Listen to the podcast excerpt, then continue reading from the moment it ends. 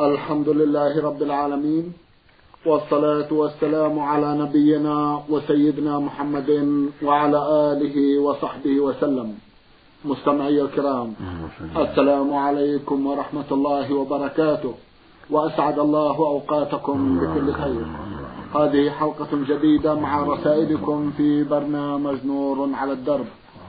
رسائلكم في هذه الحلقة نعرضها على سماحة الشيخ عبد العزيز ابن عبد الله بن باز الرئيس العام لإدارات البحوث العلمية والإفتاء والدعوة والإرشاد.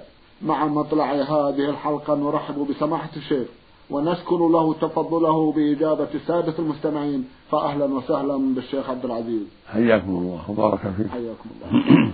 نعود في بداية هذه الحلقة إلى رسالة وصلت إلى البرنامج من القصيم. باعثة الرسالة إحدى الأخوات من هناك رمزت إلى اسمها بحرفين هما ألف وحاء. عرضنا بعض أسئلتها في حلقة مضت وفي هذه الحلقة لها بعض الأسئلة فتقول في أحد أسئلتها أسأل سماحتكم عن حديث أبي هريرة عن النبي صلى الله عليه وسلم إن لله تسعة وتسعين اسما مئة إلا واحدة. من أحصاها دخل الجنة. هل كلمة أحصاها الواردة في الحديث معناها حفظها أم قراءتها فقط؟ وجهوني. جزاكم الله خيرا. بسم الله الرحمن الرحيم. الحمد لله وصلى الله وسلم على رسول الله وعلى آله وأصحابه ومن اهتدى بهداه. أما بعد هذا الحديث مخرج في الصحيحين عن النبي عليه الصلاة والسلام. وله لفظان أحدهما من أحصاها واللفظ الثاني من حفظها دخل الجنة. من أحصاها يعني حفظها وأتقنها دخل الجنة. وإحصاءه يكون بحفظها ويكون بالعمل بمقتضاها. أما لو أحصاها ولا يعمل بمقتضاها ولا يؤمن بها فإنها لا تنفعه. فالإحصاء يدخل فيه حفظها ويدخل فيه العمل بمعناها. فالواجب على من وفقه الله لإحصائها وحفظها أن يعمل بمقتضاها فيكون رحيما ويكون أيضا عاملا بمقتضى بقية الأسماء يؤمن بأن الله عزيز حكيم رؤوف رحيم قدير عالم بكل شيء ويؤمن بذلك. ثم يراقب الله ويخاف الله فلا يصر على المعاصي التي يعلمها ربه بل يحذر المعاصي ويبتعد عنها وعن الكفر بالله كله بأنواعه إلى غير ذلك. فهو يجتهد في حفظها مع العمل بمقتضاها من الإيمان بالله ورسوله وإثبات الصفات والأسماء لله على وجه اللائق بالله من غير تحريف ولا تعطيل ولا تكييف ولا تمثيل. يعلم أنها حق وأنها صفات لله وأسماء لله وأنه سبحانه الكامل في ذاته وأسمائه وصفاته وأفعاله لا شبيه له ولا مثل له. كما قال عز وجل في كتابه العظيم قل هو الله أحد. الله الصمد. لم يلد ولم يولد ولم يكن له كفوا أحد. يؤمن بهذا وانه صمد لا شبيه له. تصمد إليه الخلائق وتحتاج إليه سبحانه وتعالى. هو الكامل في كل شيء. وأنه لم يلد ولم يولد. وأنه لا كفو له. لا في صفاته ولا في أفعاله. ليس له كفء ولا مثيل ولا سمي قال تعالى ليس كمثله شيء وهو السميع البصير. هل تعلم له سميا فلا تضربوا الله الأمثال. هو سبحانه لا سمي له ولا شبه له ولا كف له ولا ند له.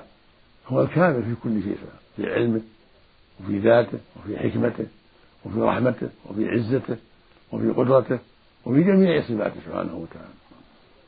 فمن أحصاها علما وعملا وحفظها علما وعملا أدخله الله الجنة.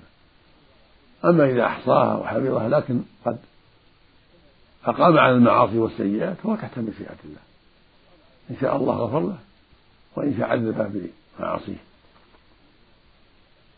ثم بعد تطهيره من المعاصي يخرجه الله من النار إلى الجنة إذا كان مات على التوحيد والإسلام. كما قال الله سبحانه إن تجتنبوا كبائر ما تنهون عنه كفر عنكم سيئات هذا خطاب لأهل الإسلام بل لجميع الناس. إن تجتنبوا كبائر ما تنهون عنه كفر عنكم سيئات والكبائر تعمل تشمل الشرك وأنواع الكفر وتشمل المعاصي التي حرم الله وجاء فيها اللعن والغضب والوعيد هي كبائر. فعلى العبد العباد من الرجال والنساء ان يجتنبوها.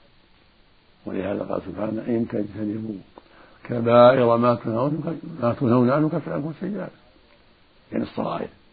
وندخلكم مدخلا كريما. ويقول النبي صلى الله عليه وسلم الصلوات الخمس والجمعة إلى الجمعة ورمضان إلى رمضان كفارات لما بينهن إذا اجتنب الكبائر. وفي لفظ ما لم تغشى الكبائر كالزنا والسرقة والعقوق الوالدين أو أحدهما. قطيعة الرحم أكل الربا الغيبة النميمة التولي يوم الزحف السحر إلى غير هذا مما حرمه الله من الكبائر. والمقصود أن إحصاء الأسماء الحسنى وحفظها من أسباب السعادة ومن أسباب دخول الجنة لمن أدى حقها واستقام على طاعة الله ورسوله. ولم يصر على الكبائر. نعم. جزاكم الله خيرا. تسأل أختنا هذا السؤال فتقول إذا نسي المصلي وسلم بعد ركعتين في الصلاة الرباعية أو المغرب وتذكر بعد ما سلم هل يأتي بالركعة أو الاثنتين الباقيتين أو يعيد الصلاة؟ إذا سلم الرجل أو المرأة من ثنتين الظهر أو العصر أو العشاء أو المغرب ناسيا. ثم تذكر يتم الصلاة فقط يقوم ويأتي بما بقي ويسجد للسهو بعد السلام يسلم بعد التحيات وبعد الدعاء ثم يسجد السهو سجدتين قبل بعد السلام. هذا هو الأفضل كما فعله النبي صلى الله عليه وسلم. فإنه في بعض الصلوات سلم من اثنتين في الظهر أو العصر. ثم نبه فقام وكمل عليه الصلاة والسلام. فلما كمل وسلم سجد للسهو بعد السلام سجدتين. وإن سجد قبل السلام أجزاء ذلك ولا حرج لكن الأفضل بعد السلام لفعله عليه الصلاة والسلام. وسجوده للسهو مثل سجود الصلاة سواء يقول في سبحان ربي الأعلى سبحان ربي الأعلى يدعو فيه. مثل سجود الصلاة سواء. وهكذا لو سلم من واحدة في الفجر أو في الجمعة أو في العيد. ثم تنبه ونبه يقوم يكمل. يأتي بالثانية بعد قراءة التحيات والصلاة على النبي صلى الله عليه وسلم وبعد الدعاء يسلم. ثم يسجد السهو سجدتين بعد ذلك. هذا هو الأفضل. وإن سجدهما قبل السلام أجزاء ذلك والحمد لله. وهكذا لو بنى على غير ظنه. لو بنى المسلم على غالب المصلي على غالب ظنه. يعني شك في الثالثة والرابعة. وغلب على ظنه أنه في الثالثة. وأتمها أربعا. الأفضل يكون سجوده بعد السلام. لأن النبي صلى الله عليه وسلم قال في من شك في صلاته وتحرى الصواب وأتم عليه ذكر أنه يسجد بعد السلام. ففي هاتين الحالتين أفضل يكون سجود بعد السلام. الحالة الأولى إذا سلم عن نقص ركعة وأكثر يأتي بالباقي ثم يسلم ثم يجلس هذا هو الأفضل. والحالة الثانية إذا بنى على غير ظنه كملها أو المقصود كملها على غير ظنه فإن فإنه يكمل ويسلم ثم يجلس سجدتين. هذا هو الأفضل. وإن سجد سجدتين قبل السلام فلا حرج. أما فيما سوى ذلك يكون السجود قبل السلام أفضل فيما سوى هاتين الحالتين يكون السجود للسهو قبل السلام هذا هو الأفضل. مثل شك اثنتين أو ثلاثة جعلها اثنتين منع اليقين شك في ثلاثة وأربع الظهر مثلا يجعلها ثلاث جميع اليقين ثم يكمل. ثم إذا فرغ من التحيات والدعاء يسجد سجدتين يستوى قبل أن يسلم. مثل لو قام عن الشهادة الأول في الظهر أو العصر أو المغرب والعشاء. قام عن الشهادة الأول ساهيا فإنه إذا كمل يسجد السهو قبل السلام كما فعله النبي صلى الله عليه وسلم. هذا هو الأفضل أو نسي. سبحان ربي العظيم في الركوع ما قالها وهو إمام أو منفرد أو نسيها وهو أو نسيها في السجود سبحان ربي الأعلى يتلو السهو قبل السلام. أو نسي قول ربنا ولك الحمد بعد الركوع. الإمام وهو منفرد. أو نسي الإمام سمع الله لمن عنده أو المنفرد عليه سجود السهو. الأفضل قبل السلام. وإن سجد بعد السلام فلا بأس. وهكذا لو لو نسي ربه في من السجدتين يسجد بعد يسجد السهو سجدتين قبل السلام أفضل. وإن سجدهما بعد السلام فلا حرج في ذلك. وسجود السهو يقول فيه مثل ما يقول في سجود الصلاة سبحان ربي أعلى سبحان ربي أعلى ويدعو فيه. اللهم اغفر لي ذنبي كله دقه وجلده إلى آخره. مثل سجود الصلاة سواء أما المأموم إذا سهى عن تسبيح الركوع والسجود أو أو رب اغفر لي أو ربنا ولك الحمد إذا سهى عن هذا ما عليه شيء يتبع إمامه ليس عليه سجود هو تبع الإمام في هذا ولا حرج عليه. أو نسي التشهد الأول ما اتى به شغل بالوساوس ولا اتى به فليس عليه شيء يتحمله الإمام. أما الفاتحة فالصواب أنها تلزم المأموم على الصحيح. لكن لو سهى عنها المأموم أو جاء الإمام راكع سقطت عنه. أو كان يعتقد أنها لا تجب على المأموم كما يقول الأكثر ولم يقرأها لأنها عنده لا تجب على المأموم أو يقلد من قال ذلك فلا شيء عليه. لكن الصواب أنه يقرأها مع إمامه في السرية والجهرية هذا هو الصواب. في السرية أمر ظاهر ويقرأ معها ما تيسر في الأولى والثانية من الظهر والعصر والمغرب والعشاء. وفي الجهرية يقرأها فقط ولا يزيد. في الأولى والثانية من المغرب والعشاء وفي الفجر وفي الجمعة يقرأها فقط ولا يزيد شيء.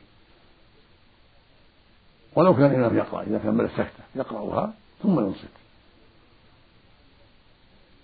لقول النبي صلى الله عليه وسلم لعلكم تقرؤون خلف إمامكم وصلى لعلكم تقرؤون خلف إمامكم قلنا نعم. قال لا تفعلوا إلا بفتحة الكتاب. فإنه لا صلاة لمن لم يقرأ بها. وهذا يعم الفرض يعم الجهرية والسكية والفرض والنفل كالتراويح لكن إذا نسيها مثل رب اغفر إذا نسيها مثل سبحان ربي الأعلى إذا نسيها سقطت عنه لأنها واجبة في حقه. ليست ركنا في حق المأموم بل واجبة بدليل أنه صلى الله عليه وسلم لم يأمر أبا بكر لما جاء الإمام راكع لم يأمره بقضاء الركعة. أجزأته الركعة التي فاته فيها القيام فدل ذلك على أن القراءة في حق المأموم واجبة تسقط بالجهل والنسيان. وتسقط إذا فاته القيام وأتاه الإمام راكع أجزأت الركعة كما في حديث بكر أنه جاء النبي راكع عليه الصلاة والسلام فركع بكر دون الصف ثم دخل في الصف. فلما سلم النبي صلى الله عليه وسلم قال له قال له صلى الله عليه وسلم زادك الله حرصا ولا تعود. يقول النبي صلى الله عليه وسلم زادك الله حرصا ولا تعود. يعني لا تركع دون الصف اصبر حتى تصل الصف. ولم يأمر أن يقضي الركعة فدل على سقوط الفاتحة عنه لأنه لم يدرك فيها وعلى ذلك تسقط عن الناس من المأمومين والجاهل لأنه في حكم من لم يأتي إلا هو الإمام الراتب في المعنى. هذا هو الصواب. وذهب الأكثر من العلماء إلى أنها لا تجب على المأموم وأنها سنة حق المأموم في السكتات في السرية. ولكن الصواب قول من قال إنها واجبة على المأموم لعموم الأحاديث لكنها تسقط عنه إذا كان جاهلا أو ناسيا أو جاء والإمام راكع لأنه فاته محل قراءتها هو القيام هذه مسألة عظيمة. نوصي من سمع هذا الحديث أن يعتني بهذا الأمر وأن يرشد من حوله في هذا الأمر. حتى يكون الجميع على بصيرة وعلى بينة في هذا الأمر الذي تعمه البلوى كثيرة. بالنسبة إلى من يأتي والإمام في الصلاة وبالنسبة من قد يسهو في الصلاة وهو مع الإمام فلا يقرأ الفاتحة. هذا بحمد الله فيه فرج وتيسير من الله عز وجل. نعم. جزاكم الله خيرا وأحسن إليكم. سؤالها الأخير الذي نعرضه تقول فيه أريد أن أحفظ القرآن الكريم. إلا أني أجد في ذلك صعوبة. فما هي نصيحتكم وإرشاداتكم لي في هذا الموضوع؟ جزاكم الله خيرا. نوصيك بالاستعانة بالله. الضرعة إلى الله أن تسأليه في السجود في التحيات في الليل في آخر الليل في جوف الليل. تسألين سبحانه أن يعينك على حفظه وأنت صادقة خاشعة. يا ربي أعني على حفظ كتابك العظيم. اللهم أعني على حفظه اللهم يسر لي حفظه ومع الدعاء الصادق تجتهدين في العمل. تجتهدي في الحفظ في الأوقات المناسبة التي أنت بها غارقة في الليل أو في النهار تبدأين من البقرة أو من المفصل. تقرأي ما تيسر. كل يوم شيء ولو قليل. تقرأي كل يوم شيئا ولو قليلا. وتجتهدي في دراسته تكراره حتى يستقر. وهكذا حتى تكملي إن شاء الله. تحرص على الأوقات المناسبة في الليل أو في النهار التي فيها القلب فارغ. وترتبين ترتبين شيئا فشيئا قليل نصف.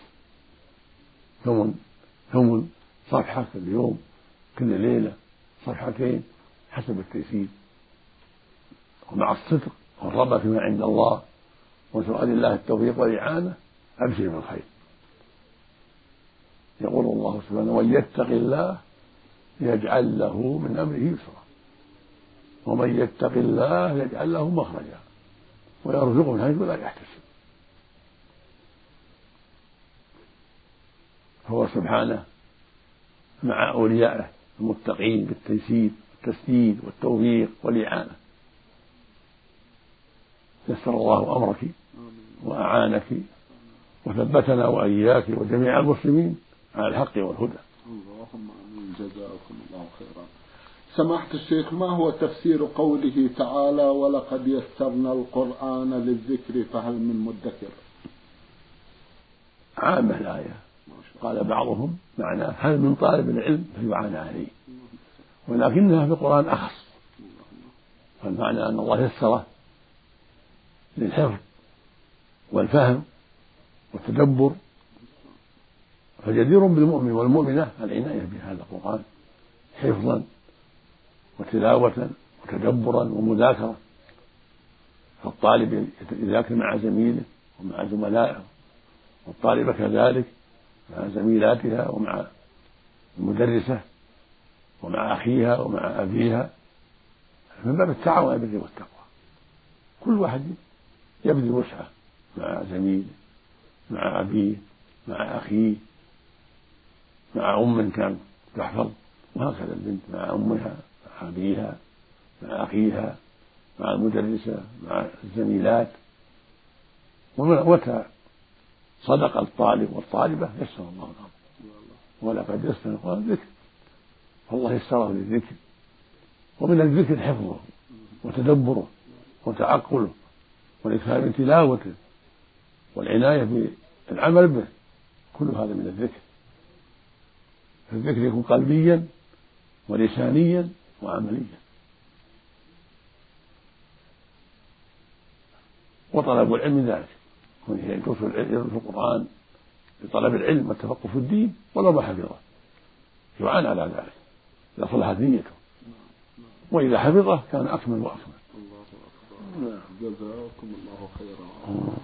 من المستمعة لام عين فاء من الباحة رسالة تقول فيها لقد قمنا ببيع ذهبنا على البائع ووزنه البائع أمامنا وأخبرنا عن قيمته علما بأننا لم نستلم منه شيئا. ثم أخبرناه بأننا سوف نشتري منه ذهبا آخر. وبالفعل اشترينا منه الذهب وعدنا إلى مكاننا.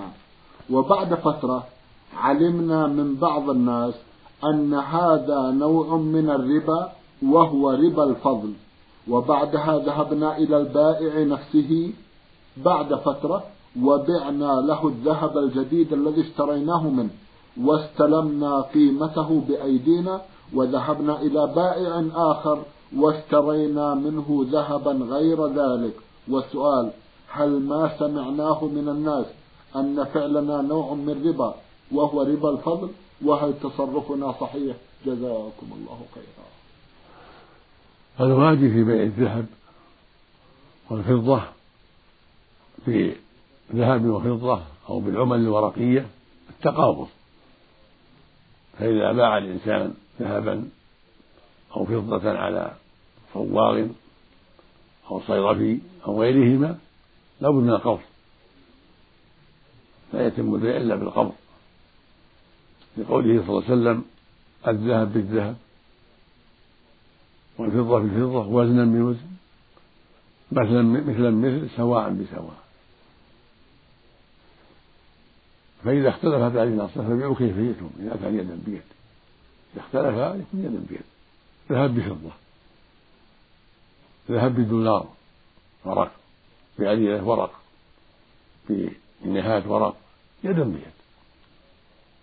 لابد يكون يدا بيد. لا يتفرقان حتى يتقابضا ولا يكون ربا فإذا جاءت المرأة بالذهاب إلى الصيرفي أو صائر أو غيرهما تبيع عليه لابد تقبض الثمن. إذا كان الثمن ذهب مثل مثل سواء بسواء يدا بيد. وإن كان فضة كذلك لابد يدا بيد. أو عمل ورقية لابد يدا بيد. فالبيع الذي فعلته أول لا يجوز. لابد من القبض ثمن قبض الثمن. ثم بعد القبض أنتم بالخيار. إن شريتم منه أو من غيره. ذهبا آخر. وهكذا بيع الفضة سوا سوا. نعم. بيع الفضة بفضة أو بذهب إن كان بفضة لابد مثلا مثل سواء بسواء لا يزيد هذا على هذا شيء. لابد من التقابض فإن كان فضة بالذهب لابد من القبض فقط يدا بيد. ولو بعمل ورقية لابد يدا بيد. لأنها منزلة منزلة الذهب والفضة هذه العمل. نعم. فلا بد أن يتعاضد دينار بدولار يدا بيد. مئة دولار بمئتي درهم أو بثلاثمائة درهم لابد من بيد هكذا دنانير بجنيهات أو بدراهم سعودية أو بغير ذلك لابد يدا بيد وبذلك يسلم المؤمن والمؤمنة من الربا.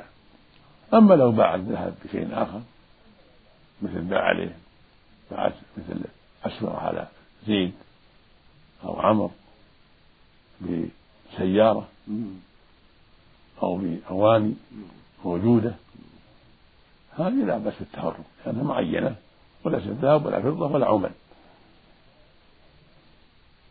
أو بأرض أو ببيت يتفرقون لا بأس يشتري بيت بآلاف من الدنانير أو من الذهب أو من الدراهم إلى أجل معلوم لا بأس. أو سيارة أو أواني أو ملابس أو فرش أو حيوانات أو ما أشبه ذلك نعم. المقصود أنه إذا كان بغير العمل أما بالعملة يدا بيد لابد بيد بيد ذهب بأي عملة أو فضة بأي عملة لابد يدا بيد فإن كان ذهب بذهب نفسه أو فضة بفضة لابد من أمرين. التساوي في الوزن والقبض. لابد يكون وزنا بوزن ما يزيد هذا ولا شعرة وزنا بوزن. يعني دينار ذهب بدينار ذهب لا يزيد شيء. درهم فضة درهم لا يزيد شيء. مع مع التقابض كما أمر النبي صلى الله عليه وسلم. وهكذا العمل الموجودة. دولارات بدولارات لا بد يدا بيد مثلا بيد عشرة بعشرة عشرة. دولارات بعشرة دولار عشرة دري سعودية بعشرة دري يدا بيد سواء بسواء. نعم. جزاكم الله خيرا. أما وقد فعلوا سماحة الشيخ فما هو توجيهه؟ مثل ما فعلوا يرجعون على صاحبهم. نعم. يفسخون البيع.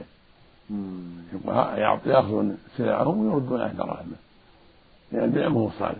أو يتباين في الحال يقول الآن نتباين الحال في الآن. أيوة. يعني الآن البيع الآن. الدراهم عندهم نعم. والذهب عندهم والآن نتباين الآن. من جديد. نعم. على الدراهم الذي عندهم. إذا ما فعلوه بالسعر بالسعر الحاضر. نعم. يكون بيع جديد بالسعر الحاضر. إذا ما فعلوه هو الصحيح نعم. جزاء. تراجع يعني. نعم. نعم. آه، عادوا إليه وباعوا عليه الذهب ثم اشتروا ذهبا من مكان آخر. نعم. باعوا ذهبهم هم. ذهبهم نعم. نعم نعم. الحمد لله. جزاكم الله خيرا. تسأل أختنا عن الأسماء التالية وجوازها سماحة الشيخ.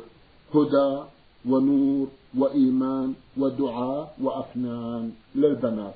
ما هو رأيكم أعد تسأل عن صحة التسمية بهذه الأسماء. هدى ونور وإيمان ودعاء وأفنان. لا أعلم فيها بأس. لا أعلم فيها بأس. الحمد لله. نعم. الحمد لله. جزاكم الله خيرا. الله نختتم هذه الحلقة برسالة وصلت إلى البرنامج من السودان باعثها مستمع يقول قابل قبل الحرب يقول هل هناك تكبيرة وتسليمة في سجدة التلاوة؟ الأفضل تكبيرة عند السجود. إذا كان خارج الصلاة يريد السجود يكبر الله أكبر ويسجد للتلاوة. ولا يشترط الطهارة ولا السلام ولا تكبير ثاني. ما يشترط تكبير ثاني ولا سلام. لأن لم يرد في الأحاديث الصحيحة. ولكن إذا كان على طهارة يكون أفضل وليس وليست الطهارة شرطا. قد ثبت عن ابن عمر رضي الله عنهما أنه كان يسجد على غير وضوء. وهكذا جاء عن الشعبي وجماعة المقصود أن سجود التلاوة من جنس الذكر والخشوع. لا يشترط لها الطهارة. التسبيح والتهليل والتحميد والتكبير. قراءة القرآن عن ظهر قلب لا يشترط لها الطهارة. هكذا سجود التلاوة. سجود الشكر أيضا. لا لا يشترط لهذا كله الطهارة. فلو قرأ عن ظهر قلب وهو على غير الطهارة أو سبح وهلل أو سجد للتلاوة لا حرج. تقول عائشة رضي الله عنها كان النبي صلى الله عليه وسلم يذكر الله على كل أحيانه. والله يقول جل وعلا فلن يذكر الله قياما وقعودا وعلى جنوبهم ولم يشرك في ذلك الطهارة. لكن الجنوب لا يقرأ القرآن فقط الجنوب لا يقرأ حتى يغتسل ولو عن ظهر قلب. أما غير الجنوب يقرأ عن ظهر قلب لكن لا يمس المصحف إلا عن طهارة. والحائض اختلف فيها هل هي مثل الجنوب؟ لا تقرأ حتى تغتسل. أم لا والصواب أنها ليست مثل الجنوب الصواب أنها تقرأ لأن مدتها تطول وهكذا النفساء مدتها أطول فلا حرج عليهما أن تقرأ عن ظهر قلب لئلا تنسيا القرآن ولئلا يفوتهما هذا الخير العظيم. جزاكم الله. لكن لا تقرأ من المصحف. إلا إذا دعت الحاجة المصحف نعم. من. من وراء الجوربين ومن وراء القفازين من وراء الساتر لا بأس. من الحاجة إلى ذلك. نعم. أما الجنوب لا لا يقرأ حتى يغتسل. لا من المصحف ولا عن ظهر قلب.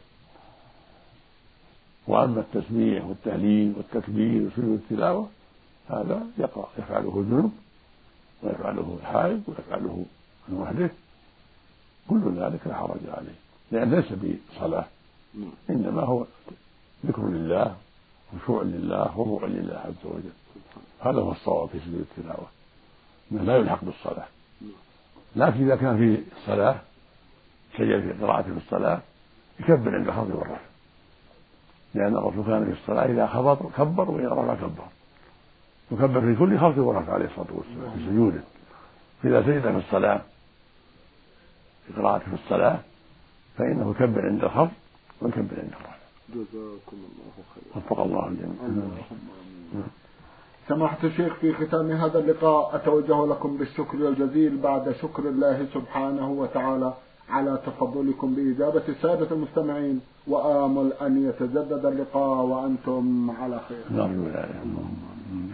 مستمعي الكرام كان لقاؤنا في هذه الحلقة مع سماحة الشيخ عبد العزيز ابن عبد الله بن باز الرئيس العام لإدارات البحوث العلمية والإفتاء والدعوة والإرشاد.